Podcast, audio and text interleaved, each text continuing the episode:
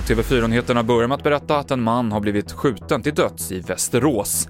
Det var runt midnatt som flera personer ringde om att de hört skott avlossas i stadsdelen Gideonsberg. När polis och ambulans kom fram hittades en allvarligt skadad man som avled på platsen. Han var känd av polisen sedan tidigare. Mer om det här på TV4 Play. I Ludvika så stal en 12-årig pojke i natt en bil och körde ifrån polisen, som valde att inte jaga efter. Pojken körde sedan ner i ett dike och fick lättare skador, rapporterar DT.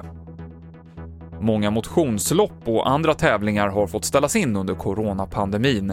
I helgen så skulle det tävlas i simning, cykling och löpning i Borås, men trots anpassningar som grupper om max 50 med separata incheckningar och starttider så fick man nej av polisen.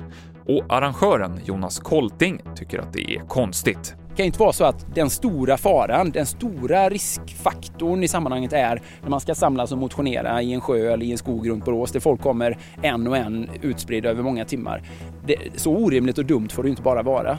Det sa Jonas Kolting. Det här var TV4 Nyheterna med Mikael Klintevall i studion.